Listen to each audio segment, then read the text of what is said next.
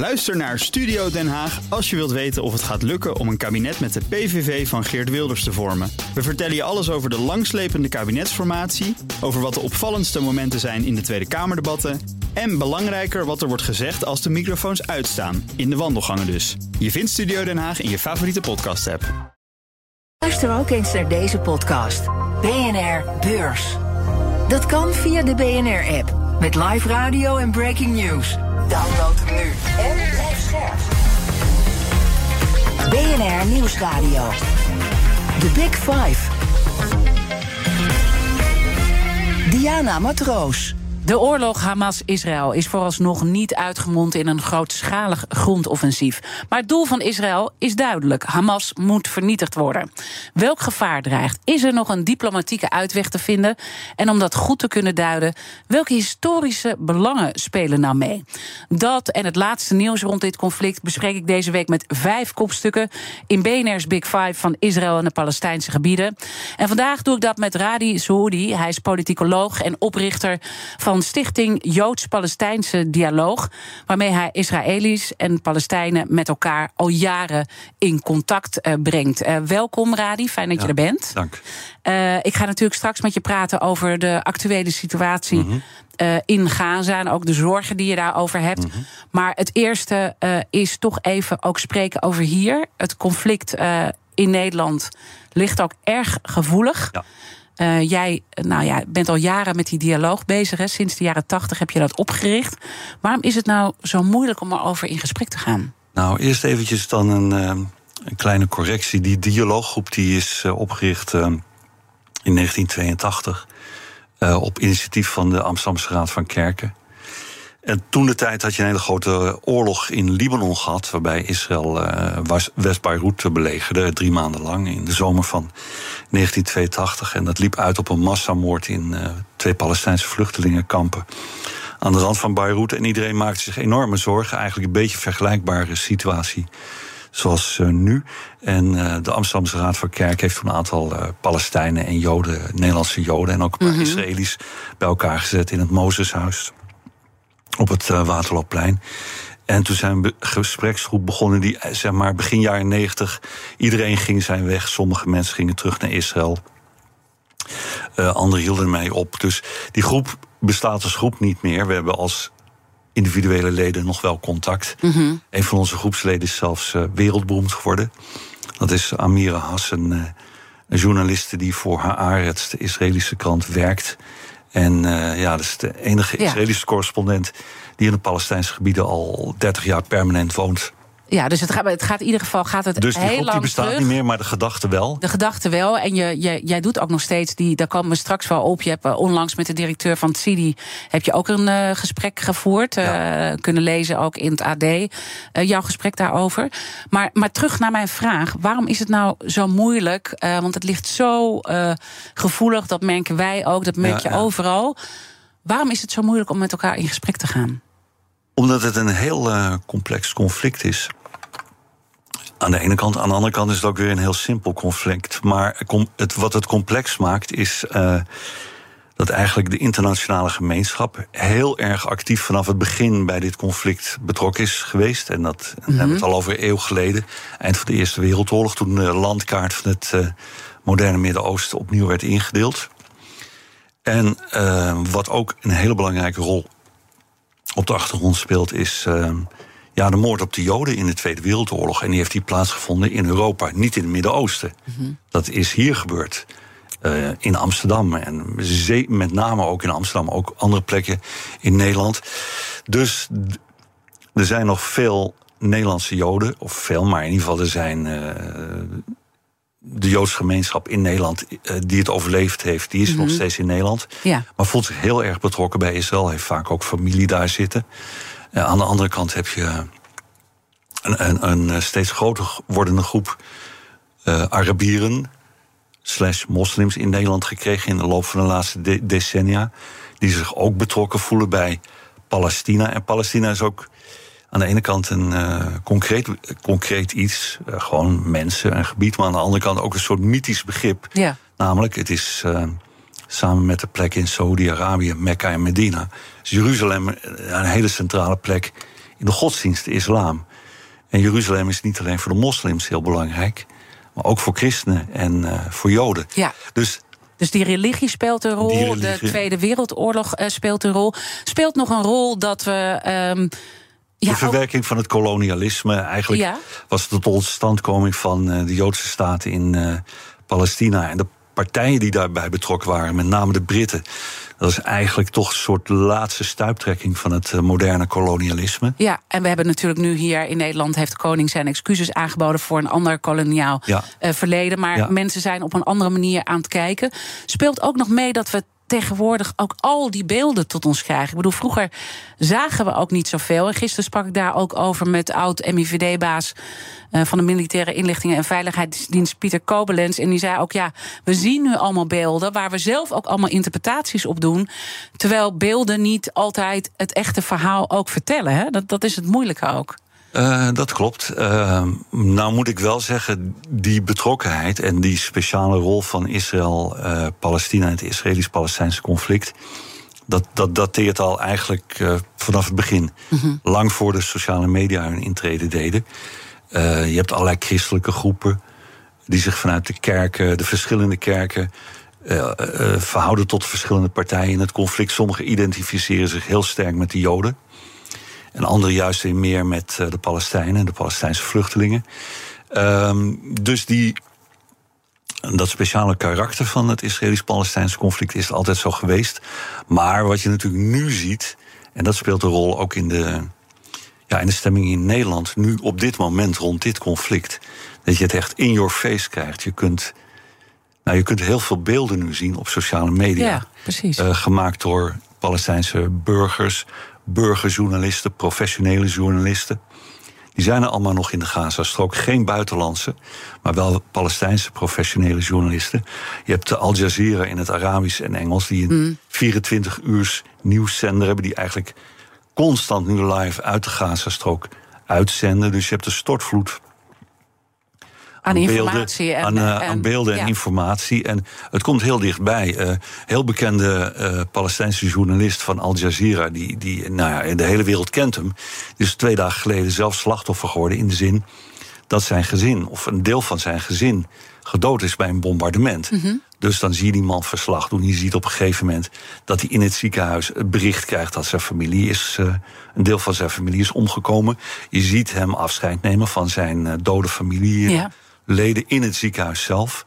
Je ziet hem bij de begrafenis. Het wordt heel erg. Uh, ja, je kunt het bijna in real time kan je het verdriet. Kan je volgen wat er daar ja, gebeurt. En ja, ja. zo heb jij dit uh, gekeken en zo heb ik weer een, een Palestijnse journalist, een heel jonge vrouw uh, uh, zitten bekijken. die nu nog steeds op de vlucht is. En dat steeds uh, laat zien. En ook laat zien dat zij geen elektriciteit heeft. En ja. dan toch probeert ergens op te laden. Dus het zit in hoe organiseer je je leven. Vervolgens ben je nergens veilig. Hè? Dat geeft nee, ze ook weer. Dat, hoor je, dat zegt ook iedereen. Ja. Iedereen die geïnterviewd wordt. Ja, er is hier geen veilige plek meer. Ja. En dat klopt ook, denk ik. Misschien ook goed om jouw persoonlijke verhaal ja. te schetsen. Want jouw oma was een nationaliste. En zat in Palestijns verzet. Ja, ja. Ze organiseerde in 1948 bijvoorbeeld een klein vluchtelingenkamp ja, in haar tuin. Wat heb je meegenomen van haar uh, gedachtegoed? En jou, het, is, het is via jouw vader, want je vader is Palestijns. Ja, mijn moeder komt uit Deventer. Ook een hele mooie stad met ja. een hele rijke, heel rijk verleden. Maar goed, dat is, gaan we nu eventjes uh, niet behandelen. Nou ja, het is wel interessant dat je zo'n... Ik bedoel, ik heb zelf ook een combinatie natuurlijk van uh, wit en zwart in mij. Ja. En dat maakt wel dat je ook op meerdere manieren naar ja, een, een, conflict kan kijken. Ook maar, wat moderne Nederland, hè? Ja, ja. Maar even over jouw uh, verhaal. Ja, nou goed, uh, als we het even beperken tot de Palestijnse kant. Mijn familie komt uit de oude stad van Jeruzalem. En die wonen daar al eeuwen. Mijn vader zei altijd, ja, we zijn ongeveer 400 jaar geleden uit Marokko gekomen. Mijn familie komt oorspronkelijk uit het Arabisch Schiereiland, mm -hmm. Saudi-Arabië. Vandaar ook mijn naam, Saudi. En ze zijn op een gegeven moment met uh, de legers van de, de profeet Mohammed... zijn ze in Noord-Afrika terechtgekomen. Daar heb je ook een hele grote clan... Die mijn tweede naam heeft. Saudi al-Alami heten we eigenlijk.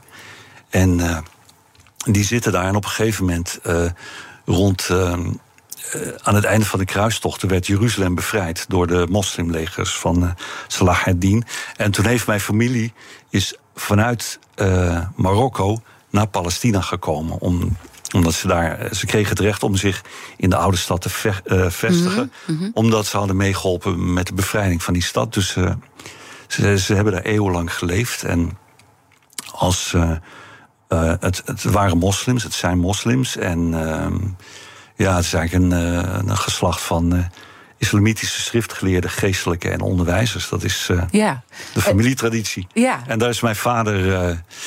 Hij is in 1920 geboren. Um, toen woonden mijn grootmoeder en mijn grootvader. die waren verhuisd. Vanuit de oude stad. Wat, wat, mensen zaten daar echt op elkaar gepakt. En ze konden voor weinig geld konden ze een huis krijgen in wat nu Ramallah is, Elbieren. Mm -hmm. En uh, mijn eh, grootvader had daar een baan gekregen als directeur, of nee, onderwijzer van een lagere school. Ja. En ja, mijn vader, mijn vader is zelf geboren in Jeruzalem, omdat mijn grootmoeder vond dat haar eerste zoon moest geboren worden in Jeruzalem. Dus dat, zat heel diep bij haar? Het zat bij, het zat bij haar ongelooflijk diep. Um, dus dat is ook gebeurd. Mijn vader is daar geboren. Hij beschouwde zichzelf ook echt als. Uh, ja, Ibn al-Balad heet dat in het Arabisch, maar dat betekent eigenlijk uh, zoon van de stad. Zo noemde hij zich ook altijd. Mm -hmm. En uh, ja, de relatie met, van mijn familie met die stad en zeker van mijn grootmoeder ging dus heel diep. Uh, ze heeft ook haar tweede zoon heeft ze verloren bij een bomaanslag. Net buiten de, de muur van de oude stad. Dat was een busstation. En daar is hij uh, december 1947 uh, mm -hmm. omgekomen. En uh, ja, ze zat ook in het verzet. Ze heeft. Uh, ze verborg wapens in 1947, 48, toen de strijd om Jeruzalem woedde tussen de Palestijnen en de Israëlische mili Joodse milities, die later eigenlijk het Israëlische leger zijn geworden. Daar had ze de doodstraf notabene voor kunnen krijgen als dat was ontdekt ja. door de Britten. Mm -hmm. Uh, nou, dan had ik hier ook niet gezeten, waarschijnlijk. Ja. en uh, ja, ze heeft. Uh, ja, wat, wat ook wel een echt ongelooflijk verhaal is, dat Arafat in de zomer van 1967, toen uh, de Westbank net bezet was door het Israëlische leger. is hij geïnfiltreerd om het verzet in de, op de Westbank te organiseren. En daar heeft zij hem eh, een paar weken in huis eh, verborgen gehouden. En mijn oom is toen. Hem heeft ze. Arafat, ja zeker. Ja, ja. ja. En uh, mijn oom is toen. Uh, heeft Arafat, toen de Israëli's hem al op de hielen zaten. had een heel klein autootje, was een hele, hele lange man. Maar hij had een heel klein autootje, heeft hij Arafat in de kofferbak uh, gepropt. En is hij met Arafat naar de Jordaanse grens, de rivier de Jordaan gereden. En heeft hij Arafat helpen ontsnappen. Dus ja, mijn uh, grootmoeder was, uh, was er ja, wel eentje. Ja, dat, dat mag je zeggen. En, en hoeveel heb jij daarvan meegekregen? Behalve dan de verhalen. Maar ja. ik weet niet in, in, in de tijd of je dit. Was je hier zelf ook op een bepaalde manier bij? Of heb je dit echt uit de verhalen gehoord? Nou, ik, was in, ik zat hier in Nederland en ik hoorde wel wat verhalen, maar. Uh, nee, ik, ik pas later. Maar goed, ik was toen nog een kind. Pas later besef je natuurlijk. Wat voor, wat voor risico's heeft genomen en hoe moedig dat eigenlijk was. De Big Five. Diana Matroos. Mijn gast vandaag is politicoloog Radi Saoudi. En hij heeft uh, al nu geschetst uh, wat ook uh, zijn persoonlijke achtergrond. Als je dan vanuit die oma, waarvan je zegt, mm -hmm. die is dus ja, in dat verzet heel moedig geweest. dit was een, een, een voorbeeld daarvan. Wat, wat heb je nou van haar geleerd, wat je in al die jaren en ook in de huidige situatie meeneemt? Nou, wat ik van haar heb geleerd, en trouwens ook van de oma van mijn vrouw. Mijn vrouw is uh, 100% Palestijns, dus die is aan beide kanten Palestijns. Die had eigenlijk net zo'n soort grootmoeder als uh, die van mij. Alleen uh, mijn grootmoeder was echt een stadse vrouw, hè, want ze kwam uit Jeruzalem. De grootmoeder van mijn vrouw is een boerenvrouw, die komt uit een dorpje vlakbij, Nablus op de Westbank. Maar dat zijn twee uh, waar, want ze zijn allebei dood. Twee hele krachtige, taaie vrouwen die ook niet over zich lieten lopen. Hoewel ze allebei uh, eigenlijk ja, nauwelijks school hadden gehad. Ze konden niet lezen of schrijven, wat toen normaal was voor vrouwen. Mm -hmm. Helaas. Maar uh, ondanks dat waren ze echt uh, hele sterke, dominante persoonlijkheden. En waar werden ze door gedreven? Vanuit die dominantie, vanuit die, de, ja, dat, dat verzet wat uit hun voortkwam? Nou, door nationalisme, door zeg maar, wat betreft mijn oma was het echt ook diepe liefde voor de stad Jeruzalem en alles wat dat mhm. voor haar betekende. Dus zowel heel concreet de stad waar zij vandaan kwam en waar ze alles en iedereen kende. En waar zij geboren was. En aan de andere kant Jeruzalem als plek die heel dicht bij de profeet en bij God stond, bij Allah. Ja, ja. Dus dat liep allemaal door elkaar heen. En wat ook wel heel opvallend is is dat mijn grootmoeder zich uiteindelijk niet heeft laten begraven op het, bij het familiegraf waar haar man en haar uh, vermoorde zoon lagen. Maar dat zij per se wilde dat ze begraven werd op het bij het familiegraf van haar eigen familie. Wat uh, tegen de muur van de oude stad ligt. Uh, eigenlijk recht onder wat mm -hmm. Arabieren de Haram al-Sharif en de Joden de Tempelberg noemen. Dus zij, zit, zij ligt nu op een van de meest betwiste stukjes grond ter wereld. Mm -hmm. En wat nu ook waar nu steeds kolonisten uh, dingen provoceren en graven, vernielen. Dus zelfs in haar dood. Ja. Is er, nog, uh, ja, is er nog politiek om haar ja. Wat, wat doet het allemaal met jou? Want je bekijkt dit vanuit uh, jouw rol als politicoloog. Ja. Maar je hebt natuurlijk ook een mens die meegaat. Je hebt misschien, ik weet niet, heb je nog familie nu in die gebieden wonen? Ja, ja, ik heb wel wat familie. De meeste is weg, maar er zit wel wat familie en er zitten veel kennissen en vrienden. Mm en, kennissen en vrienden en familie van mijn vrouw. Dus ja, ja. Er zijn allerlei dwarsverbanden. Ja, en, en, en hoe heftig is dan deze tijd uh, voor jou en de situatie die je daar nu ziet onttrekken? En als ik daarop doorvraag, wat, wat, wat zouden wij daarvan moeten leren? Nou, het is voor mij in ieder geval uh, zeker uh, heel heftig. Um, omdat het toch, ja, het zijn plekken die je kent, het zijn mensen die je kent. Of je, je kent mensen die heel erg lijken op de mensen die je nu op tv ziet. Ik bedoel, mensen vragen me altijd: heb jij familie in de Gaza? En dan zeg ik nee. Maar ik ken deze mensen aan de andere kant. Ze lijken heel erg op mijn familie. Eh, ze praten op dezelfde manier. Ze, ze, ze, kleden zich op dezelfde manier. Ze, uh, ze gebruiken dezelfde kooswoordjes voor hun kinderen. Ja, ik bedoel, ik weet hoe hun huiskamers eruit zien. Ik ben daar vaak geweest. Ik ben in honderden van dat soort huiskamers geweest in de mhm. loop der tijd. Uh, dus ik ken ze niet en ik ken ze ook wel. Ja. Uh, dus dat is voor mij. Uh, brengt het, heel, brengt het de zaak heel erg dichtbij. Dat is ook emotioneel wel. Ja. Ja, wat zouden Nederlanders daarvan kunnen leren? Dat, ja, misschien bij een aantal goede vragen die jij komende minuten gaan stellen. ja. ja, ik vind het moeilijk om te zeggen wat. Nou ja, laat ik het zeggen. Kijk, je zit ook veel aan die talkshowtafels. En je bent nu onderdeel ook van de discussie. Hè? Want ik begon het gesprek. Uh, de dialoog voeren is moeilijk. Het ligt heel erg uh, gevoelig.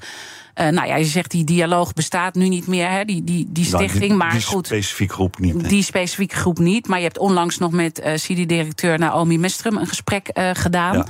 Maar dat ging over Zoom, hè, dus dat is eigenlijk... Ja, oké, maar het gaat om... je bedoel, je zit op heel veel plekken, je ziet heel veel ja, mensen erover spreken. Voeren we het goede uh, gesprek? Uh, of, of, of vind jij dat er meer aandacht moet komen voor uh, de, de Palestijnse kant van de zaak? Of vind je dat dat nu voldoende gebeurt? Waar sta je? Nou, dat laatste vind ik niet dat er voldoende gebeurt. Um, ik denk op nationaal niveau vind ik het eerlijk gezegd um, vind ik het uh, echt tekortschieten.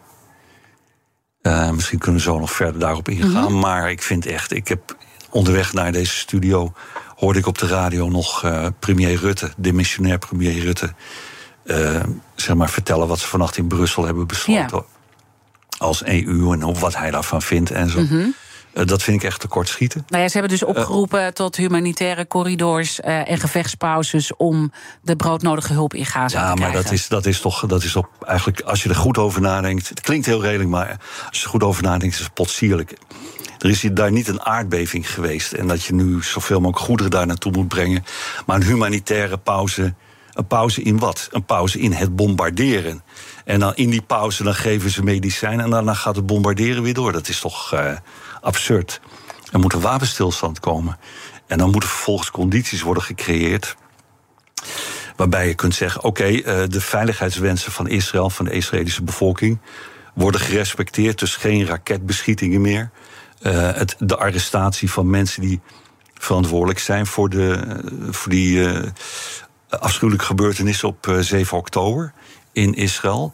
en aan de andere kant moet de veiligheid van de Palestijnse burgerbevolking die moet ook gegarandeerd worden. Dus absolute voorwaarde is dat het bombarderen gewoon stopt nu. En niet weer hervat wordt na 24 uur of zo. En dat inderdaad al die goederen die gewoon nodig zijn voor de mensen uh, mm om in leven te blijven. Zoals water, medicijnen, voedsel, elektriciteit, uh, brandstof voor de generatoren. Dat moet er allemaal ingaan. En dan moet je heel snel daarna een politiek proces gaan opstarten. om te zorgen dat dit gewoon nooit meer op deze manier kan plaatsvinden. Ja, en, en, en, ik snap dat je dat uh, zegt, maar als je kijkt naar de geschiedenis en de historische context erbij pakt, uh, is er dan. Uh, een, een reële hoop dat dat wel gaat gebeuren. Ja, nou ja, misschien kunnen we daar zo op terugkomen. Want ik wilde eigenlijk. Ik, ik ja? begon dus met te zeggen: van ja, op nationaal niveau vind ik het om, te, om te huilen eigenlijk. Het standpunt van de dimensionaire regering. Ik zie dat op lokaal niveau. Um, dat burgemeesters hier in Amsterdam, maar ook Rotterdam en, en, gewoon alle plekken waar mensen echt concreet in de steden en, en, en dorpen, maar ik vermoed vooral dat het speelt in de grote en middelgrote steden, die leven met elkaar. En ja, daar moeten burgemeesters dus proberen, de lokale bestuurders, om de zaak echt mm bij elkaar te houden. En ik heb wel het gevoel, de ene meer dan de andere, maar dat die lokale bestuurders wel voor moeilijke taak staan en ook wel echt bezig zijn om, om, om te proberen de, de zaak eh, ja, bij elkaar te houden. Ja, en dat, dat, dat, dat stemt hoopvol dan voor jou? Ja, dat stemt hoopvol in die zin dat je wel kunt zien dat het in Nederland nog niet zo uit de hand is gelopen als in een aantal andere Europese landen.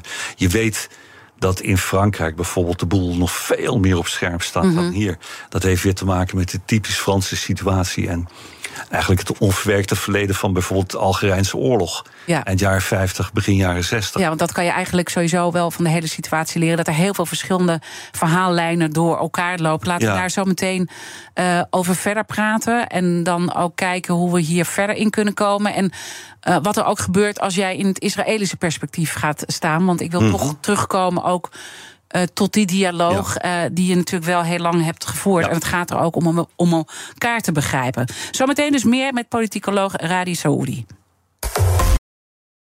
Ook Thomas van Zeil vind je in de BNR-app. Je kunt live naar mij luisteren in Zaken doen. De BNR-app met breaking news, het laatste zakelijke nieuws... en je vindt er alle BNR-podcasts, bijvoorbeeld Het Nieuwe Geld. Download nu de gratis BNR-app en blijf scherp.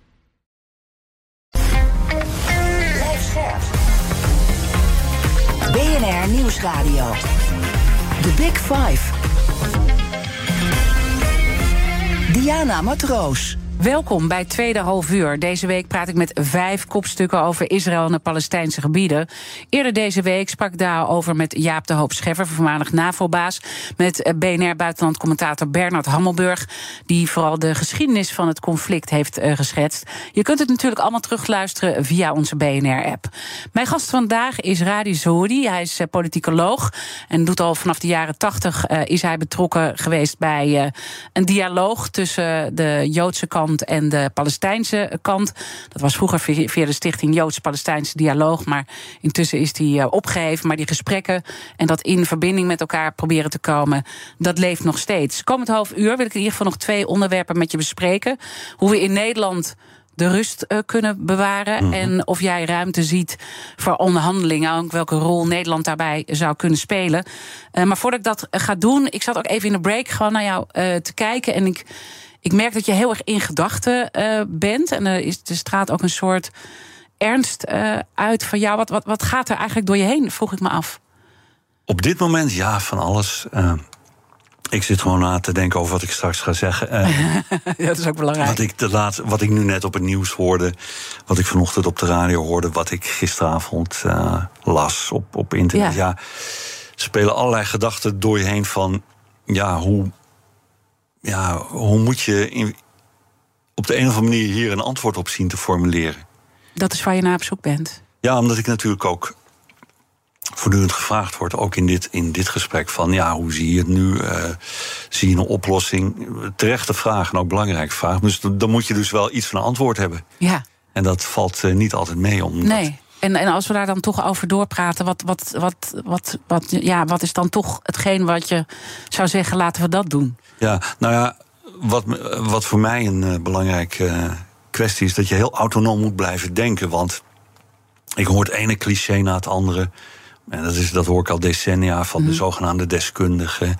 Uh, Noem eens wat clichés dan.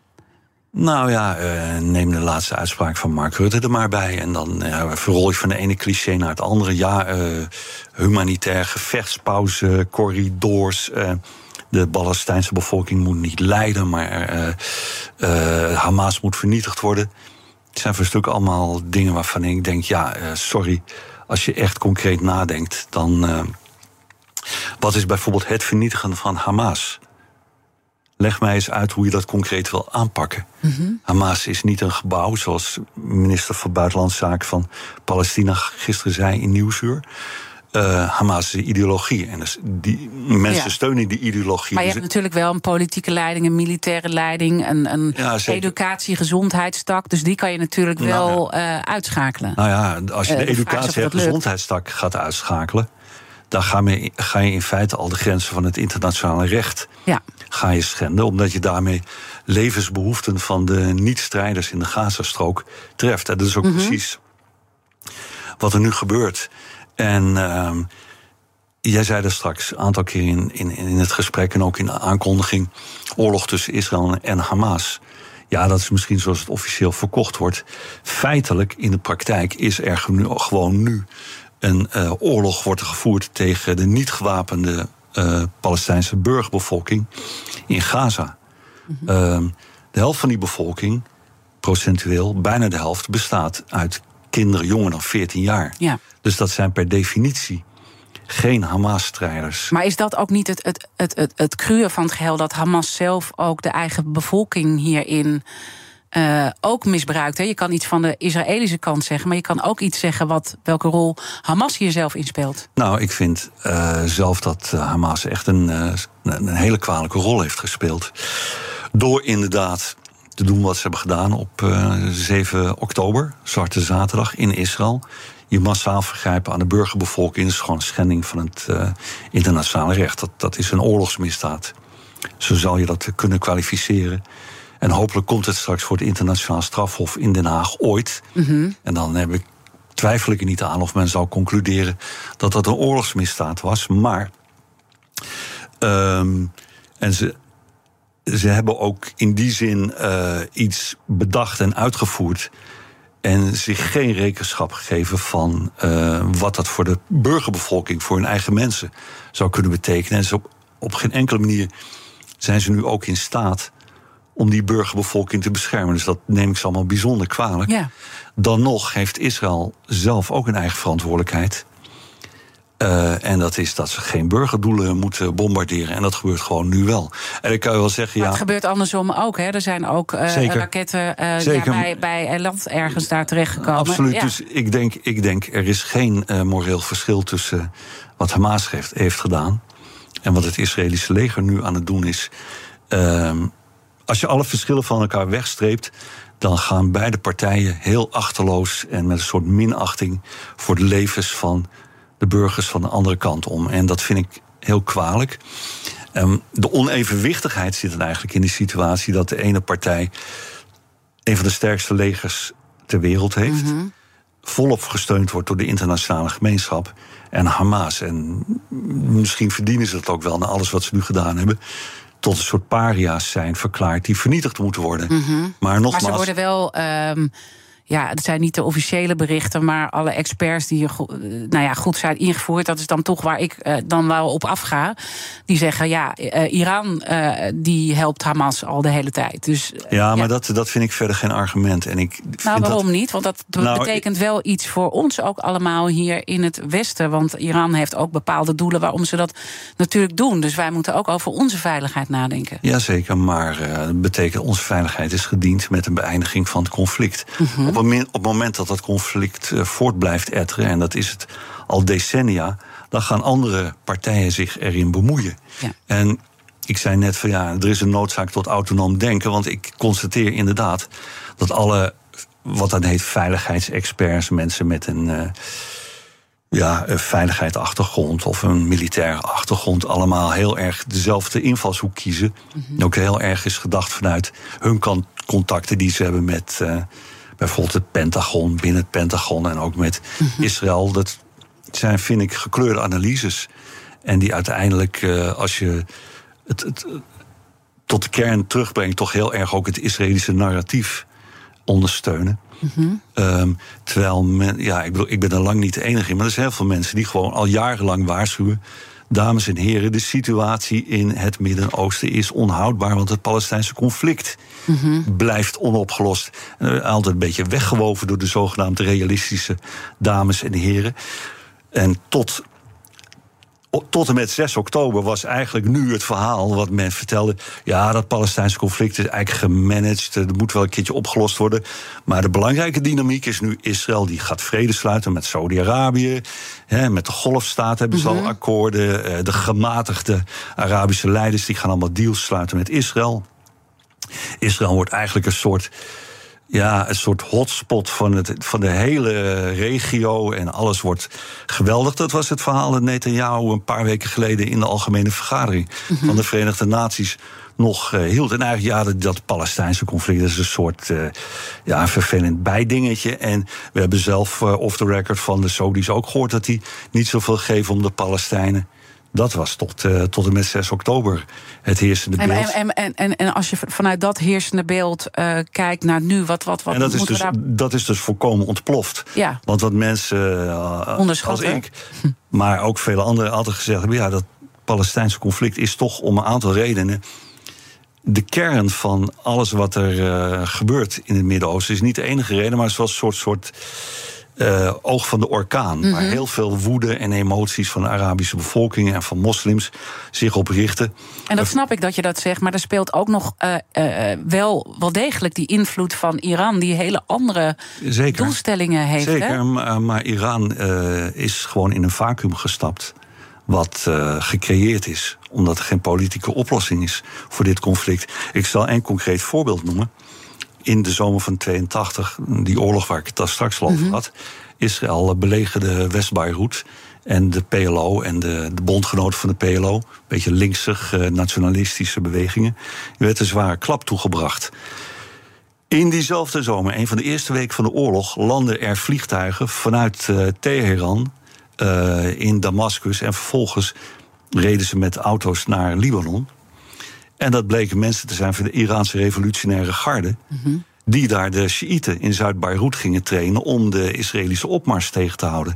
En uh, Robert Fisk, een heel bekende uh, legendarische oorlogsjournalist, uh, die vertelde mij ooit is dat in juli 82 zagen ze in Zuid-Beirut opeens mensen opduiken, Iran, Libanese Shiiten, en die hadden ineens hoofdbanden om met Koranspreuken. En hij herkende dat van het eh, front tussen Irak en Iran, die oorlog. Mhm.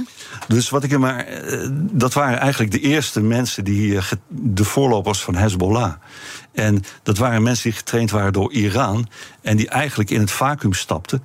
van wat was ontstaan. omdat de, de PLO en andere groepen. een slag werd toegebracht door Israël. Dus wat je nu heel reëel, het hele reële gevaar is dat Hamas nu uh, een zware slag wordt toegebracht. En dat dan het uh, vacuüm wordt opgevuld door, uh, door ISIS, door Daesh.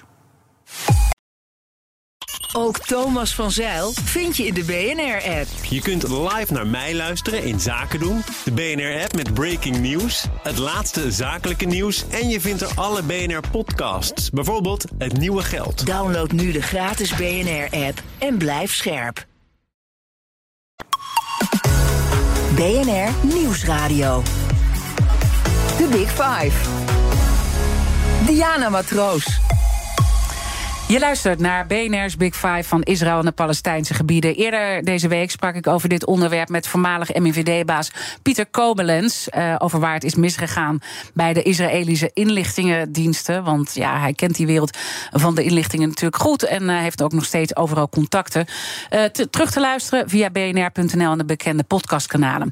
Mijn gast vandaag is politicoloog Radi Saoudi. En ehm, we hebben altijd de kettingvraag. En Pieter Kobelens had ook een vraag voor jou. Luister maar.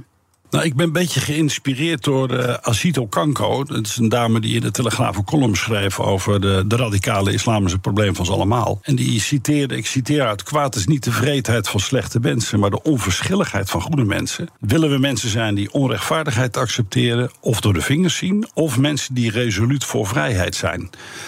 En mijn vraag aan hem is: als wij vrijheid zo ongelooflijk belangrijk vinden, zouden we er dan niet voor moeten zorgen dat wij daar de juiste aandacht aan geven en dat mensen die daar anders over denken, dan, dan maar heropgevoed moeten worden? Omdat dat namelijk, naar mijn mening, uh, de voedingsboding is voor mensen die uh, gekke dingen doen. En of het nou, maakt niet uit welk fundamentalisme, maar die uit om allerlei onredelijke dingen, zaken die doen, die onze vrijheid, waar we 2000 jaar over gedaan hebben, in het geding brengen. Ja. Ja, uh, ja, ik moet wel zeggen, uh, de koppeling met uitsluitend moslimfundamentalisme vind ik uh, problematisch. Uh, antidemocratische en autoritaire en zelfs fascistoïde stromingen vind je onderdelen van de bevolking. Dat zijn lang niet alleen extreme of fundamentalistische moslims. Je kunt trouwens ook heel fundamentalistisch zijn. En wel degelijk gewoon je eigen leven leiden zonder geweld op anderen te willen toepassen. Mm -hmm. maar dat. Het klopt wel dat er is een heel wezenlijk probleem. En dat heeft inderdaad te maken met uh, democratische stelsels. Die vaak in het verleden kwetsbaar zijn gebleken voor druk vanuit antidemocratische uh, stromingen of, of gedachtegoed. Dat, dat is niet iets van nu. Mhm. Dat speelt. Maar ook een gedachtegoed mogelijk tegen het Westen. Hè? Uh, dat speelt natuurlijk ook ja, maar, een rol. Ja, dat, vanuit dat, Iran gezien, uh, geflankeerd, of de, die, die Hamas daarin steunen. Ja, zeker. Maar ik denk dat grote bedreigingen niet alleen met islamitisch extremisme te maken hebben. Um, dat zie je eigenlijk op dit moment in alle westerse landen. Mhm. Um, maar het is gewoon een, een, kernprobleem voor democratieën. Dat je wilt de vrijheid overeind houden, maar je wilt het in principe niet doen met antidemocratische uh, middelen. Uh, de term heropvoeding vind ik daarom ook wel problematisch. Wat je wel moet doen, is inderdaad een weerbare democratie hebben. Waarbij voortdurend een discussie plaatsvindt over waar kunnen wij de grens trekken. Tussen wat is nog wel geoorloofd, wat is vrijheid van meningsuiting. -hmm. Uh, ook al staat die mening ons niet aan. En waar trekken we een grens? Daar is een hele belangrijke rol weggelegd voor de rechterlijke macht in ieder land. Mm -hmm. Die moeten uiteindelijk wegen of een verbod op een politieke partij of een, of een beweging, of dat Mhm. mm -hmm. ja, in, in lijn is met onze democratische beginselen. Dus er is niet een, een, een sluitend antwoord op te geven, anders dan dat een democratie weerbaar moet zijn en uh, alert en ja. de rechterlijke macht maar, maar moet als je dan uh, kijkt naar een opmerking van Van Baarle van een politieke partij Denk, uh, die vindt dat je moet kunnen zeggen: From the river to the sea, Palestine will be free. Uh, is in ieder geval een heftig debat geweest in de Tweede Kamer. En ja, het wordt toch echt geïnterpreteerd. Oh, de Joden moeten gewoon uh, weg, de, de, de zee ingedreven nou, worden. Maar weg. dat, dat, dat vind ik dus echt. Ik, ik, ik weet niet of ik het nou 100% met Van Baarle allemaal eens ben. Maar ik vind dat die kritieken, zoals dat die Kamer daar een beetje tekeer ging. Van, ik vond het echt.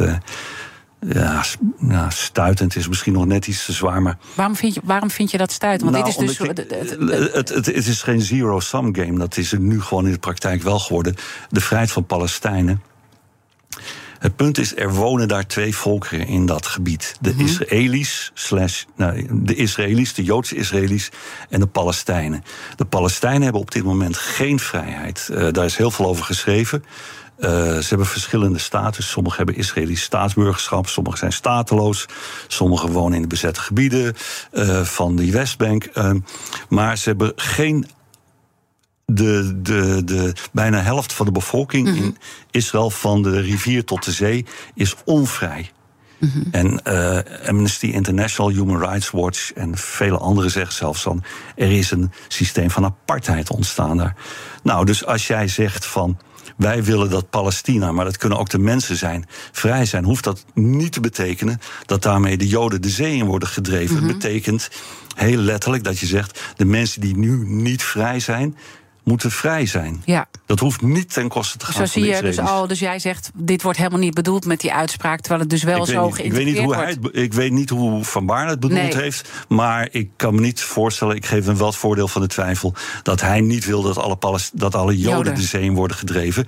Maar dat wordt er al heel snel van gemaakt. Ja, toch als, als, als we ook in het Israëlisch perspectief zouden gaan, hè, want dat is natuurlijk ook een dialoog, dat je ook Ja. probeert te luisteren naar de ander. En eh, ja, die, die, die, die hebben gewoon een gruwelijkheid die niet te beschrijven is. En volgens mij is iedereen het daarover eens van die 7 oktober. Baby's die eh, levend zijn vastgebonden en verbrand. En, en, en, eh, vrouwen die, die, die, die verkracht zijn en vervolgens achter auto's over de grond zijn gesleept. Hetgeen Hamas heeft gedaan. Ehm, ja, wat, wat, wat, het is hun 9-11. Wat kan Israël anders dan terugslaan? Ehm, ze kunnen terugslaan, maar ze moeten dan niet hetzelfde gaan doen. Eh, ik zei daar straks, als je alle verschillen Mhm. wegstreept... zijn er eh, baby's gedood op gruwelijke wijze op 7 oktober. Nou ja, er zijn nu ook baby's gedood op gruwelijke wijze. Die zijn eh, door bombardementen gedood. Mhm. Ja, maar ze zijn niet een grootschalig grondoffensief begonnen. Hè? Want nee, daar maar was wat, elke- wat, ma- ja, Ja. maar wat maakt dat nu nog uit? Er worden kinderen nu op dit moment gedood. Ik zei eh, laatst in een ander programma. Van de Israëli's hebben een 7 oktober op dat weekend gehad. En wij hebben nu al drie weken lang hetzelfde. Ehm, en nogmaals, als je alle verschil van elkaar wegstreept, er zijn op 7 oktober in Israël gezinnen vermoord, kinderen, oude mensen.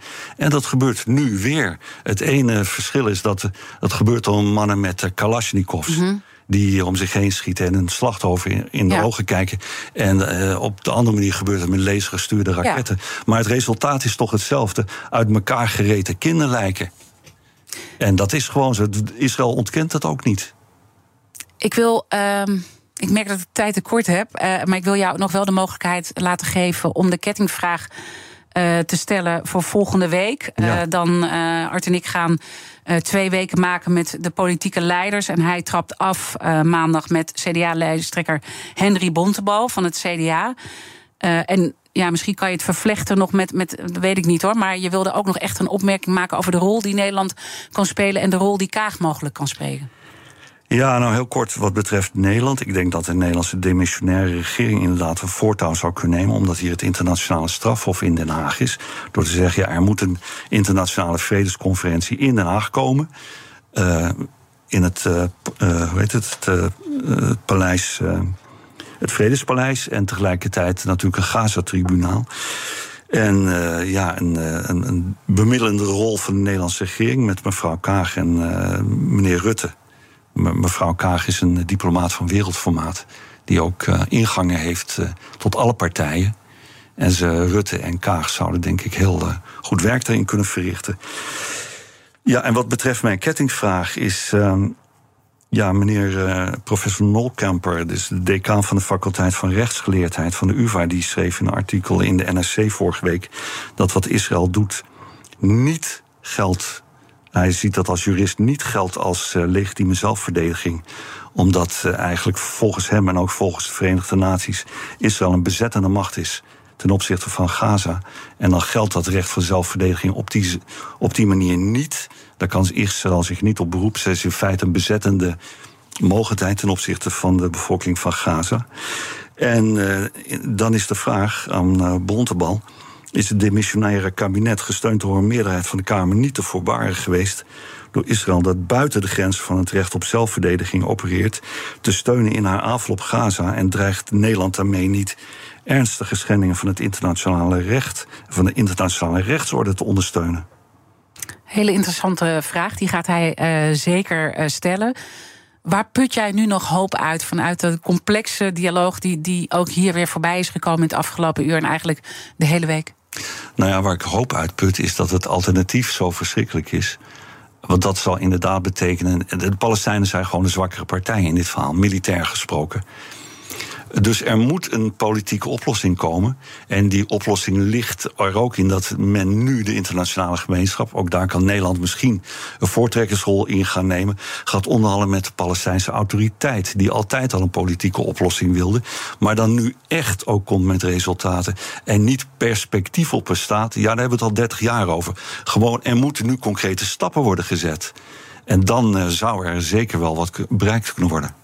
Dankjewel dat jij je inzichten wilde delen met ons radio. Uh, politicoloog en natuurlijk is alles van ons terug te luisteren. Ga naar je favoriete podcast-app. Maar blijf live, zometeen zaken doen. Uh, ik wens je een mooie dag en een uh, prachtig weekend. Bij BNR ben je altijd als eerste op de hoogte van het laatste nieuws. Luister dagelijks live via internet. Bas van Werven. En heel langzaam komt de zon op rond dit tijdstip. Je krijgt inzicht in de dag die komt op BNR, het Binnenhof in Nederland en de rest van de wereld. De Ochtendspits. Voor de beste start van je werkdag. Blijf scherp en mis niets.